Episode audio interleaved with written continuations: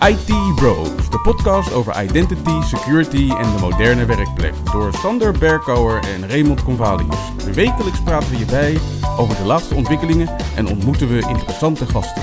Volg onze podcast op Spotify of iTunes en stel je vragen op Twitter, ITBrosNL.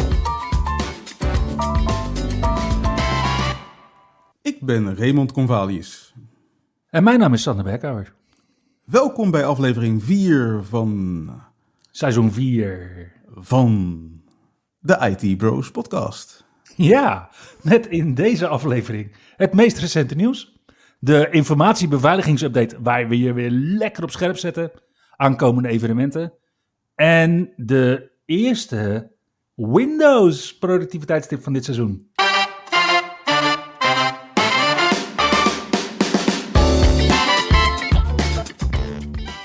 Ja, en voordat we met heugelijk Windows 11 nieuws beginnen, wil ik toch even stilstaan bij het heengaan van een markant persoon, namelijk David L. Mills. En waarschijnlijk kennen jullie hem niet, Nee. en dat geeft ook helemaal niet. Want hij is de uitvinder van NTP. En NTP staat voor Network Time Protocol. En David is daar de uitvinder van. En hij heeft daarna ook nog een aantal andere jobs gehad. Hij is ook nog professor geweest. Hij is sinds 2008 met pensioen gegaan en hij is eh 85 jaar geworden. Nou, NTP ken ik wel en daar heb ik uitbundig mee gestoeid. Hè? Ja. Nou, vertel me dat NTP oud is, zonder te zeggen hoe oud NTP is. En de, de meest makkelijke manier die ik heb gevonden is... NTP maakt gebruik van UDP, dus niet TCP, nee, UDP, poort 123. En dat is een Ja. vrij laag nummer. En ja, die nummers die zijn ook uitgegeven op, eh, ja, op nummer. Oké. Dus dit was er voor LDAP. eh, TCP 389, Mhm. 636 en 3268 en 3269. Mhm. NTP stamt inderdaad uit 1985. En dan zit ik toch te denken, hè, die, die DARPA-koppelingen, die stammen uit 71, 72. Mhm. Hoe hebben ze dat dan 13 jaar gedaan? Geen idee. Weet je, wat, de- wat deden ze voor de tijd met NTP? Hoe vaak moet het wel niet stuk zijn gegaan? En hadden ze toen überhaupt al tijdzones in computertijd? Of was dat allemaal, deed iedereen toen nog, ehm, hoe noemen we dat tegenwoordig? Oh ja, Zulu-tijd. dat is, eh, dat zie je nog steeds in, tijd, eh, in tijdnotaties, hè, staat er een zetje achter. Dat is gewoon Greenwich. Eh, Ja, GMT precies. of, ja. Ja, Greenwich Mean Time. Ja, Ja, ik heb geen idee hoe ze dat voor die tijd deden. Ik weet wel hoe we het eh, na NTP deden. Want ja, we hebben natuurlijk NTP. Dan is er natuurlijk ook zoiets als Windows NTP. Wat weer anders was. Want ja, dat komt uit de tijd dat Microsoft alles eh, embrace, extend, extinguish, geloof ik. Ja, Ja, zoiets ja. dat tijd die eh, ver, ver, ver voorbij is voor Microsoft. Mhm. Uh, maar NTP bracht ons tijdssynchronisatie tot op tienden van milliseconden. Mhm. En sinds Windows Server 2016 is er zelfs een, eh, een betere optie. Die heet Accurate Time. En die kun je aanzetten. En dat kun je ook doen met eh eh, Group Policy. En ja, ik weet niet of het heel veel nut heeft om dat te doen met een Intune profile. Maar het zou denk ik ook kunnen. Eh, en daarmee ga je echt naar, naar hele kleine tijdsverschillen. En ja, voor sommige toepassingen heb je dat natuurlijk nodig. Ja, Ik kan zo denken aan de beurs. bijvoorbeeld. Waar tienden van milliseconden eh, toch echt geld kosten. Daar kan het er zeer stevig toe doen. Of je tijd klopt of niet. Yep. Dus David Mills, dankjewel voor de basis die je voor ons hebt gelegd. En voor de mooie tijden die ik heb mogen meemaken met NTP. Yep, een van de reuzen op wiens schouders wij mogen leven. Inderdaad.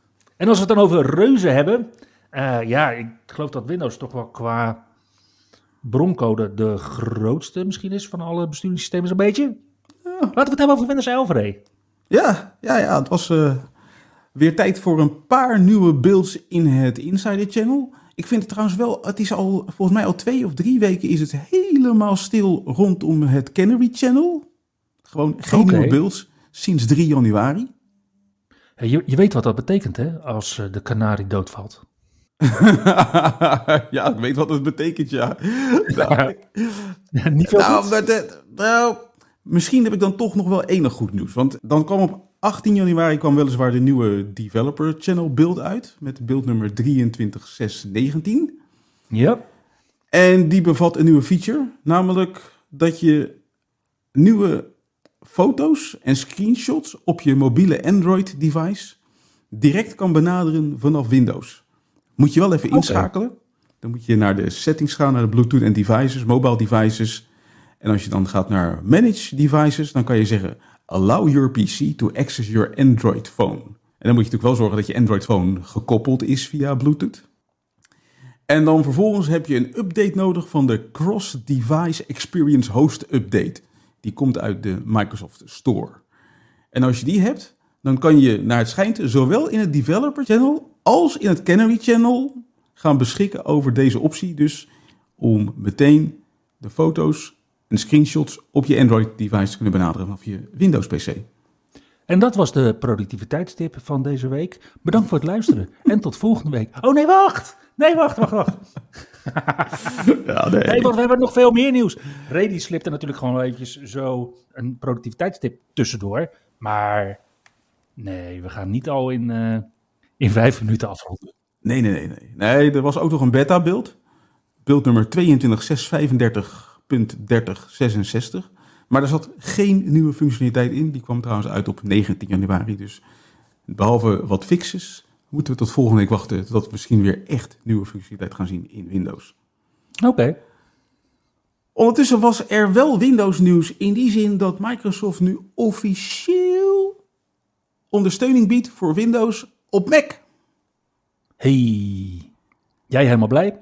Er is een eh, supportartikel uitgebracht waarin Microsoft aangeeft dat je met Parallels versie 18 en 19 de Mhm. ARM-versie van Windows kan draaien op een MacBook of Mac-machine met een M1, M2 of M3 processor.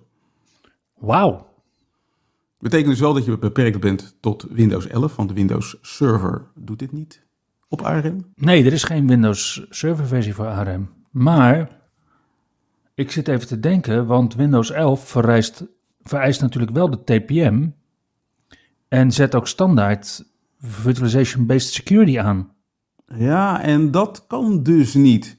En dat geeft Microsoft ook aan, want weliswaar wordt die ondersteuning geboden voor Windows op ARM op Apple, Mhm. met uitzondering van alle virtualisatiegebaseerde technologieën.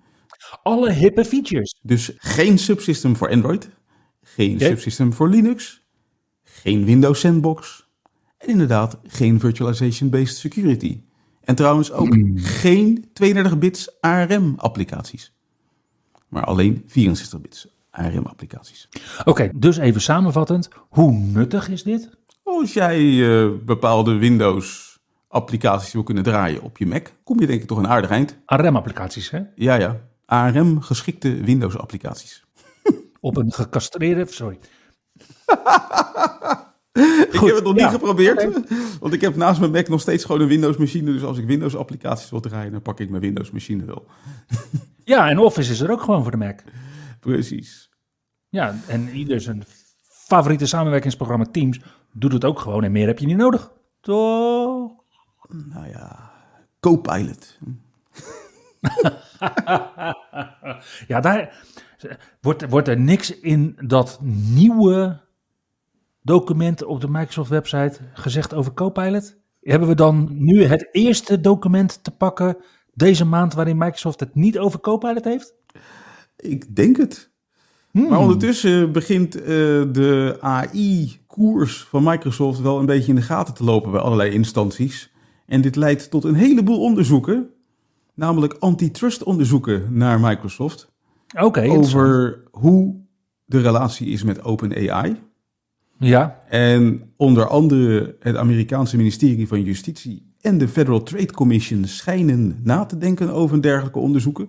Verder schijnt men ook te willen onderzoeken of OpenAI op illegale wijze content op het internet heeft verzameld om het model te trainen. ja, daar was New York Times ook al mee bezig. Ja, ja. inderdaad. Het is nog eh, niet duidelijk welke van de twee organisaties dit onderzoek moet gaan leiden. Dus het ministerie van Justitie en de Federal Trade Commission schijnen hier nog over te steggelen. Oh, dus het begint pas over zes maanden? Oké, ja. Ja, Uiteraard houdt Microsoft nog even de tanden stijf op elkaar. Ja. Ik had ook niet anders verwacht. Nee, maar kijk, ik denk dat daar ook mensen zijn die best wel in de gaten hadden dat toen ze 10 miljard dollar afstorten in OpenAI, dat iemand dat zou merken.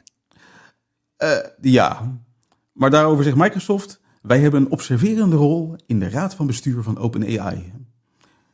Ja, maar zolang als de bestuursnotulen niet openbaar zijn, betekent dat nog steeds niks. Inderdaad.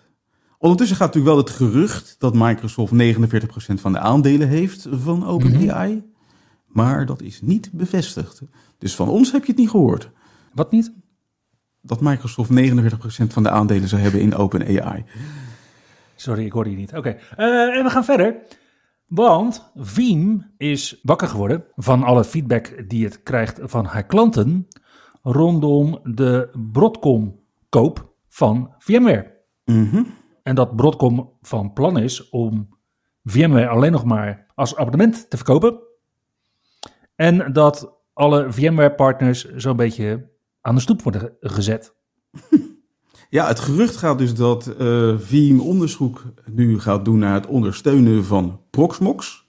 Ja, wie had dat ooit gedacht? Ja, want Veeam ondersteunde natuurlijk al VMware, vSphere en Microsoft Hyper-V. Maar ook Nutanix AHV en Red Hat Enterprise Virtualization. Dus ja, als klanten dan naar Proxmox kijken, dan zou het zomaar kunnen zijn dat VMware daar inderdaad ook iets mee doet. Dat gezegd hebbende, heeft Veeam ook vorige week een nieuw Trends Report uitgebracht. Waar zij in concluderen dat in enterprises de virtual machines slechts 25% van het probleem zijn. Oké, en wat zijn dan de grote problemen? SaaS. ja, daar kan ik me iets bij voorstellen. Ja, Vim concludeerde overigens ook dat in de enterprise 74% van de organisaties hun Microsoft 365 gegevens van reservekopieën voorziet. Dus als je het dan voor de markt recht trekt, dan zie je dus dat het SMB het eigenlijk helemaal nooit doet. Zou dan de conclusie moeten zijn, denk ik. Ja, inderdaad. Ondertussen is Veeam wel druk bezig met de voorbereiding van de ondersteuning van Oracle Linux KVM. Ja. En die schijnt er aan te komen in een aankomende update. Dan is eh, Apple afgelopen weekend begonnen met de verkoop van de Vision Pro. De voorverkoop? Ja, nou, dus ja, ja, de voorverkoop. Je kan ervoor gaan betalen. ja, en dan mag je nog eventjes uh, rustig, uh, nagelbijtend wachten totdat het apparaat daadwerkelijk bij jou door de, nou, door de brievenbus past die niet. Dat is dan weer, weer jammer. Maar wordt afgeleverd en dat gebeurt vanaf 2 februari. Ja, en naar het schijnt hebben ze tussen de 160 en 180.000 exemplaren verkocht afgelopen weekend. Mm -hmm. Dus een aardige omzet tegen een prijskaartje van uh, 3.500 dollar per stuk. Uh, 34,99 om precies te zijn. En dan nog uh, 200 voor een hoesje en 200 voor een andere accessoire. En ja, het kan aardig aantikken, zoals ja. gebruikelijk. En als je er niet heel snel bij was, dan moet je iets langer wachten dan 2 februari, want de levertijd is inmiddels opgelopen tot 7 weken. Ja, en dan kun je dus concluderen dat er meer vraag was dan verwacht door Apple. Ja. Terwijl we toch een aantal grote namen aangeven niet specifiek voor de Vision Pro te gaan ontwikkelen. Dus gewoon zeggen we ja, doe maar gewoon uh, in Safari. Doe maar gewoon een web. Ja, ja, de grote vraag is natuurlijk gewoon van wie zijn die first-time customers? Zijn het vooral ontwikkelaars? Of zijn het ook gewoon echte consumenten die Apple voor ogen heeft met de Vision Pro? Nou, met de Vision Pro hebben ze voornamelijk ontwikkelaars natuurlijk uh, voor ogen, omdat er een goedkopere versie van de Vision nog komt. Voor consumenten, daadwerkelijk. Oké. Okay. Maar goed, als jij 18,99 kan uitgeven aan een telefoon, ja, dan is 34,99 ineens ook niet heel raar meer. Nee. Ver, vervagende normen hebben we een beetje, misschien, qua technologieprijzen. Aan de andere kant van een telefoon die je jaar in jaar uit iedere dag gebruikt, kan ik me daar nog wel iets bij voorstellen. Maar ik kan me niet voorstellen dat ik straks jaar in jaar uit iedere dag gebruik ga maken van mijn Vision Pro en daar dagelijks mee over straat lopen en dag en nacht. Uh... Jij kan je niet voorstellen dat je dag en nacht gebruik maakt van een bril? Niet van het formaat van een Vision Pro, nee. Nee. nee, maar het is een versie 1. Je ziet me al gaan. Ja. De bril van Meta was natuurlijk ook, en de, de, de bril van Google was natuurlijk ook eh, fors. En dat is nu, wordt nu ook steeds slanker. Het zijn allemaal apparaten waar ik mezelf toch niet. Ik bedoel, het zal nooit de rol innemen van een mobiele telefoon. Die mobiele telefoon heeft, is zich in de loop van de jaren gaan ontwikkelen tot een soort van Zwitser zakmes. Wat je voor alles zo ongeveer kan gebruiken in het dagelijks leven. Mhm. Ja, en daarvoor ga je echt geen bril op je hoofd zetten. Ja, maar je kunt ook concluderen in de afgelopen jaren dat de innovatie op de smartphone-markt nou niet heel denderend meer is. En dat het apparaat misschien nu wel op zijn hoogtepunt is. Dit is peak mobile, misschien wel. Hm, mobiele telefoon is gewoon af, denk ik. En eh, ja, wat er daarna gaat komen, I don't know. Maar ik verwacht niet dat het een eh, VR-bril gaat worden, eerlijk gezegd. Oké, en jij hebt een telefoon van titanium, dus die overleeft jou wel. Daar kan ik voorlopig nog even mee door. En voor die, eh, voor die nieuwe telefoon is er trouwens onlangs ook weer een nieuwe versie van het OS uitgekomen, namelijk iOS versie 17.3. Yes, en als jij een wat oudere telefoon had, dan kun je alsnog upgraden naar iOS 16.7.5. Dus als je een iPhone 8, iPhone X, iPhone XS of iPad Pro van de eerste generatie hebt, dan kun je niet naar iOS 17. Maar gelukkig denkt Apple ook aan jullie met iOS 16.7.5. Ja. Volgens mij heb jij nog een iPhone 8 daar liggen, maar kan ik me herinneren. ja, ergens in mijn la ligt er waarschijnlijk nog wel eentje. Ja. Alright. Dat dus. Ja, maar je was helemaal blij met iOS 17.3, want naast de updates en, ehm, dames en heren, sorry, en, geachte luisteraar, ehm, er zit een zero-day kwetsbaarheid in ehm, eerdere versies van iOS, die dus al misbruikt worden Mhm. in het echte leven. Dat is CVE 2024 23222. En dat is een type confusion kwetsbaarheid. En als je het dan opzoekt, dan vind je de magische Engelse woorden. Processing maliciously crafted web content may lead to arbitrary code execution. Apple is aware of a report that this issue may have been exploited. Oké. Dus upgraden naar iOS 17.3 of 16.7.5 is aangeraden. Ja. En dan heeft 17.3 ook nog een stukje nieuwe functionaliteit in zich. Namelijk Stolen Device Protection.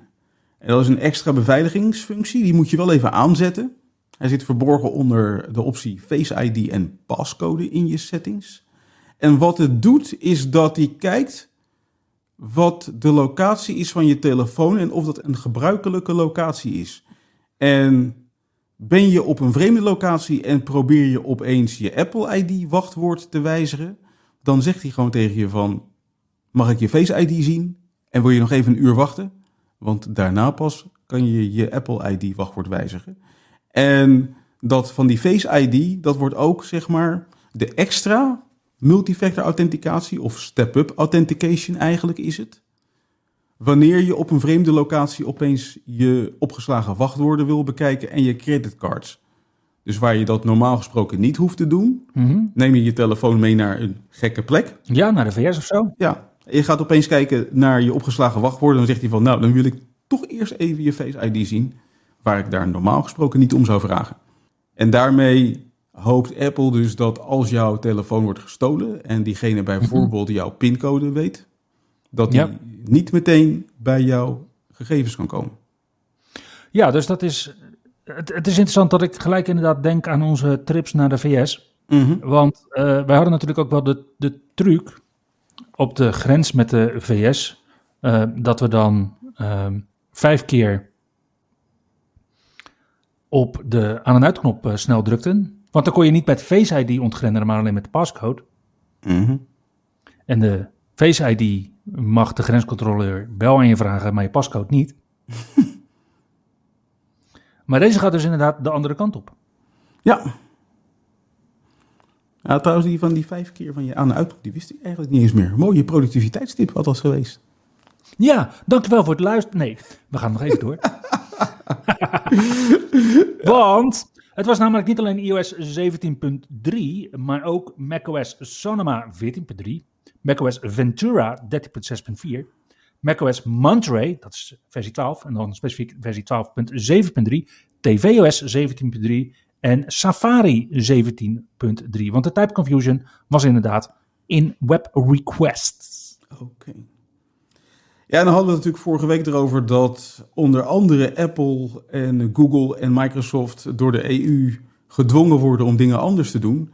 En dat blijkt deze week voor Apple niet alleen te gelden voor de store, waar we het vorige week over hadden, dat ze andere betaaldiensten moesten toelaten voor applicaties in de store, maar ook Mhm. voor de NFC-chip op bijvoorbeeld de iPhone, die tot nu toe Oh. alleen maar gebruikt mag worden Ja. door Apple Pay. Ja, want dat is een groot verschil inderdaad in het Apple-ecosysteem en in het eh, Google Android-ecosysteem, waar je dat inderdaad wel mag al. Precies. En nu schijnt het zo dat de EU Apple inmiddels aan het bedreigen is met een boete van 10% van de jaaromzet.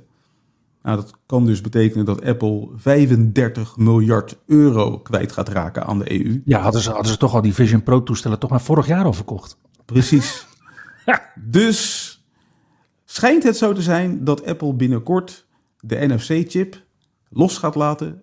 En voor minimaal 10 jaar ook andere fabrikanten of aanbieders, moet ik zeggen, toe gaat laten tot het betaalsysteem op de iPhone. En die krijgen daarmee ook meteen de optie om een andere mobiele portemonnee, oftewel wallet, te kiezen voor het opslaan van hun gevoelige informatie op de iPhone. Ja, en de vraag is of je dat moet willen natuurlijk. Inderdaad, dat vraag ik me ook af.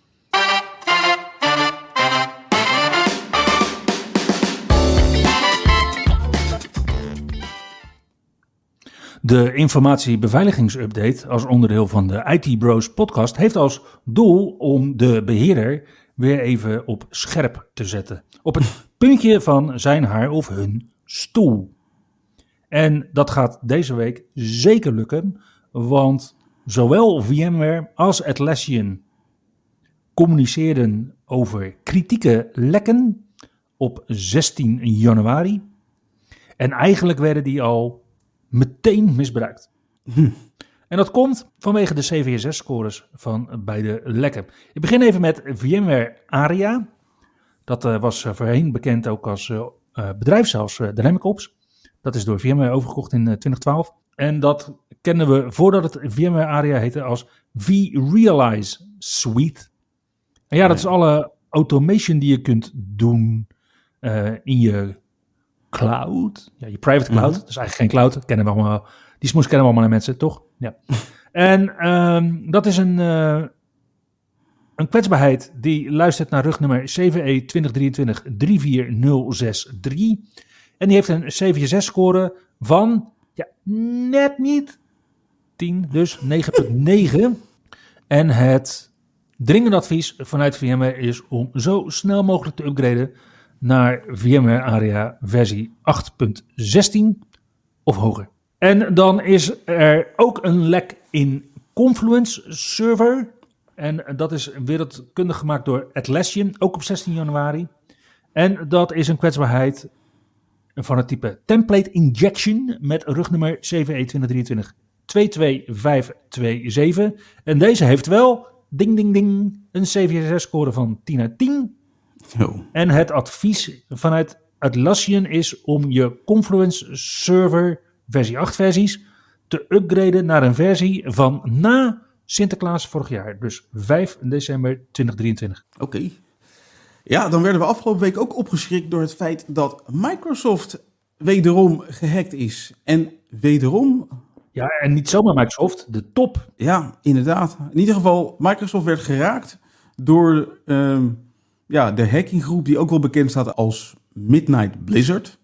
Yep, dat is de nieuwe naam. En de oude naam is, die klinkt misschien voor luisteraars meer bekend als Nobelium. Inderdaad. En dat schijnt een Russian Nation State Actor te zijn. Dus een staatsgesubsidieerde hackingorganisatie.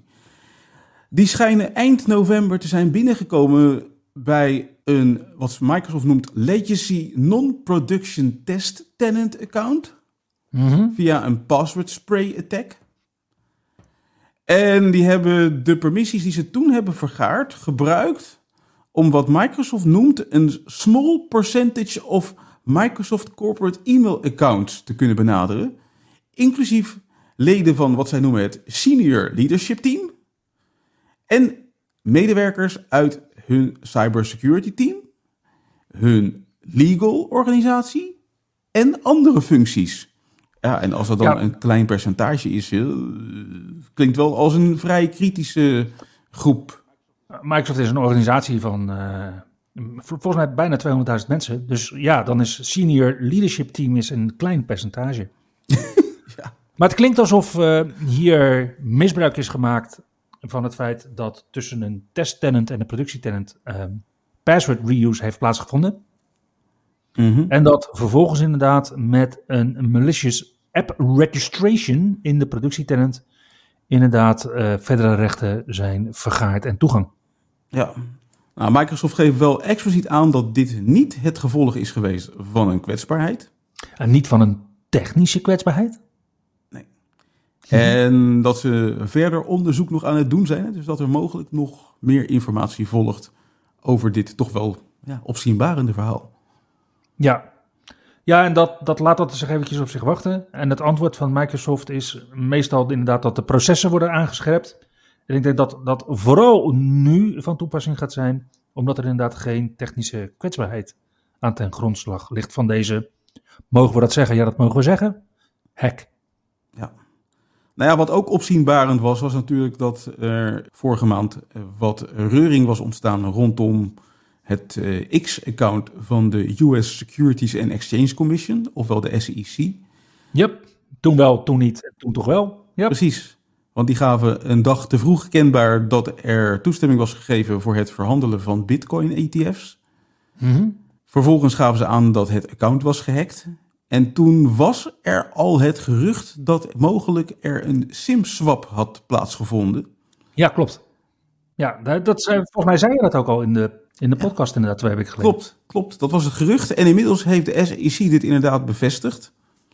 Dus ehm, ja, de mobiele provider van de simkaart die is gebruikt voor het registreren van het X-account van de SEC is om de tuin geleid, waardoor een vreemde partij de beschikking heeft gekregen over dat account en vervolgens ermee is gaan twitteren. En wat inderdaad ook het gerucht was, is dat de SEC geen gebruik maakte van multifactor authenticatie.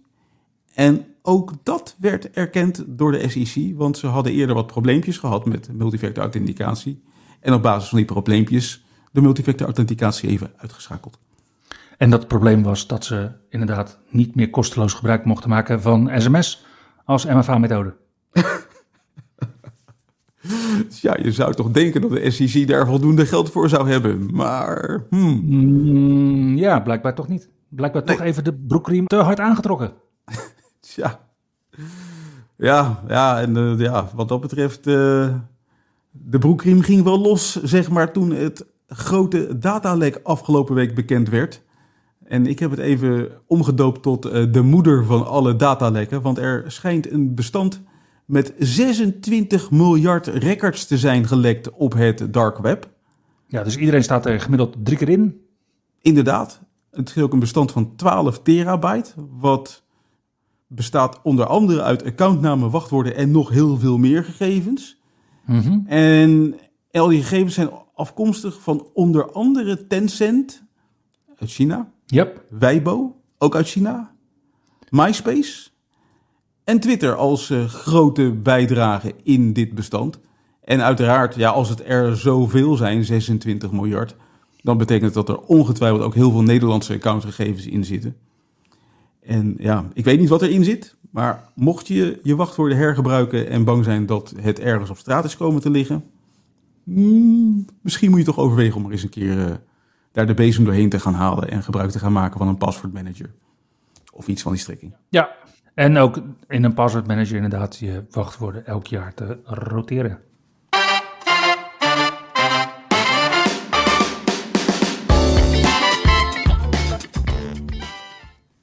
Kijken we naar de evenementen van volgende week, dan zie ik één virtueel evenement en maar liefst drie fysieke evenementen. Het feest barst los op dinsdagochtend 30 januari vanaf 10 uur tot half 12, waarin Microsoft in hun virtuele Tech Brief uitleggen hoe jij je gegevensbescherming met Microsoft Purview kunt verbeteren. Ook op dinsdag 30 januari kan je in Utrecht terecht bij de AWS usergroup.nl. En dat is vanaf 1 uur s middags tot 5 uur voor de AWS Reinvent Community Recap. Met bijdragen van onder andere Gunnar Grosch, Luc van Dondersgoed, Henri Peters, Walter Hek en nog veel meer sprekers. Op woensdag 31 januari vanaf 3 uur s middags organiseert de Modern Nerd Place, niet de Modern Workplace, nee, de Modern Nerd Place, hun eerste meetup bij M2C in Haarlem. En daar presenteert Robin Horsten over zijn weg naar de moderne werkplek. Fabio van der Burg over cybersecurity in de fast lane. En na eten, drinken en kletsen om 7 uur nog een sessie van Paul van Boerdonk over Intune en NIS 2.0. En vanaf 8 uur kan je dan vervolgens uh, lekker doorkletsen met een drankje erbij. Ja, en dan op donderdag 1 februari kan je vanaf 5 uur bij InSpark in Amstelveen terecht bij de Dutch Microsoft Entra Community. Ja, de eerste meetup van deze nieuwe community in Nederland. Ja, en uiteraard kan daarbij onze Entra-man Sander Berkouwer niet ontbreken. Ja, maar alleen omdat mijn mede-compaan van het illustre duo uh, volgens mij naar een uh, verjaardag gaat. Ja, inderdaad. En behalve Sander kan je ook een presentatie bijwonen. What's New in Microsoft Entra van Jan, Stefan en Pim. En uh, dit evenement begint dus om vijf uur en eindigt om kwart over negen. Nadat je nog gezellig een drankje hebt gedronken met het gezelschap. Tot dan.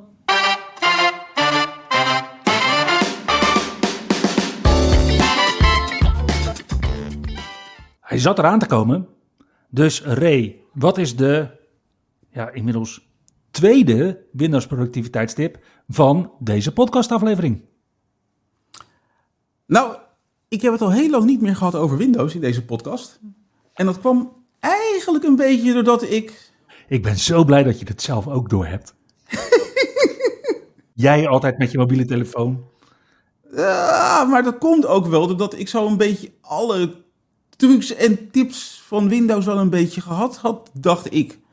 Totdat ik uh, van de week weer even op Twitter keek en onze vriendin Jen MSFT weer eens voorbij kwam met een tip waarvan ik dacht van, oh, maar die heb ik eigenlijk nog niet benoemd en gebruik ik ook nog niet als zodanig. En ik vind hem wel heel erg handig. Hij lijkt op een eerdere productiviteitstip. Hij lijkt inderdaad op een eerdere productiviteitstip, maar hij is niet hetzelfde. We hebben het er wel eens over gehad, inderdaad, dat er wat shortcuts waren om applicaties als administrator te starten. Ja, toen hadden we het voornamelijk over de run-optie in het startmenu. Ja. Waar je dan, als je daar bijvoorbeeld de CMD typt en dan Ctrl-Shift-Enter doet, dat je dan inderdaad uh, standaard naar een elevated command prompt gaat. Ja, maar wat dus ook zo blijkt te zijn, is als je de Ctrl en de Shift toets ingedrukt houdt en je klikt op een willekeurig icoontje in je taakbalk, dan wordt die applicatie ook opgestart als administrator. Hey, en dat zou dan dus, even kijken, Windows R, dat zijn twee toetsen, CMD, dat zijn drie toetsen en een Enter, dat is één toets. Dit zou dus zes toetsaanslagen kunnen voorkomen als je de command prompt bijvoorbeeld gewoon op je Windows taakbalk plaatst. Ja, bijvoorbeeld. Vet. Dus uh, Ctrl-Shift-klik en je hebt uh, Run as Administrator. Ctrl-Shift-klik. Dankjewel weer voor deze tip, Ray. Graag gedaan. En daarmee komen we aan het einde van aflevering 4 van seizoen 4 van de IT Bros podcast. Dankjewel voor het luisteren en tot volgende week. Tot de volgende keer. Je luisterde naar IT Bros, de wekelijkse podcast over identity, security en de moderne werkplek. Abonneer je op Spotify, iTunes of Google Podcast als je de volgende aflevering niet wilt missen. Heb je hints of tips? Laat dan van je horen op Twitter. ITBrosNL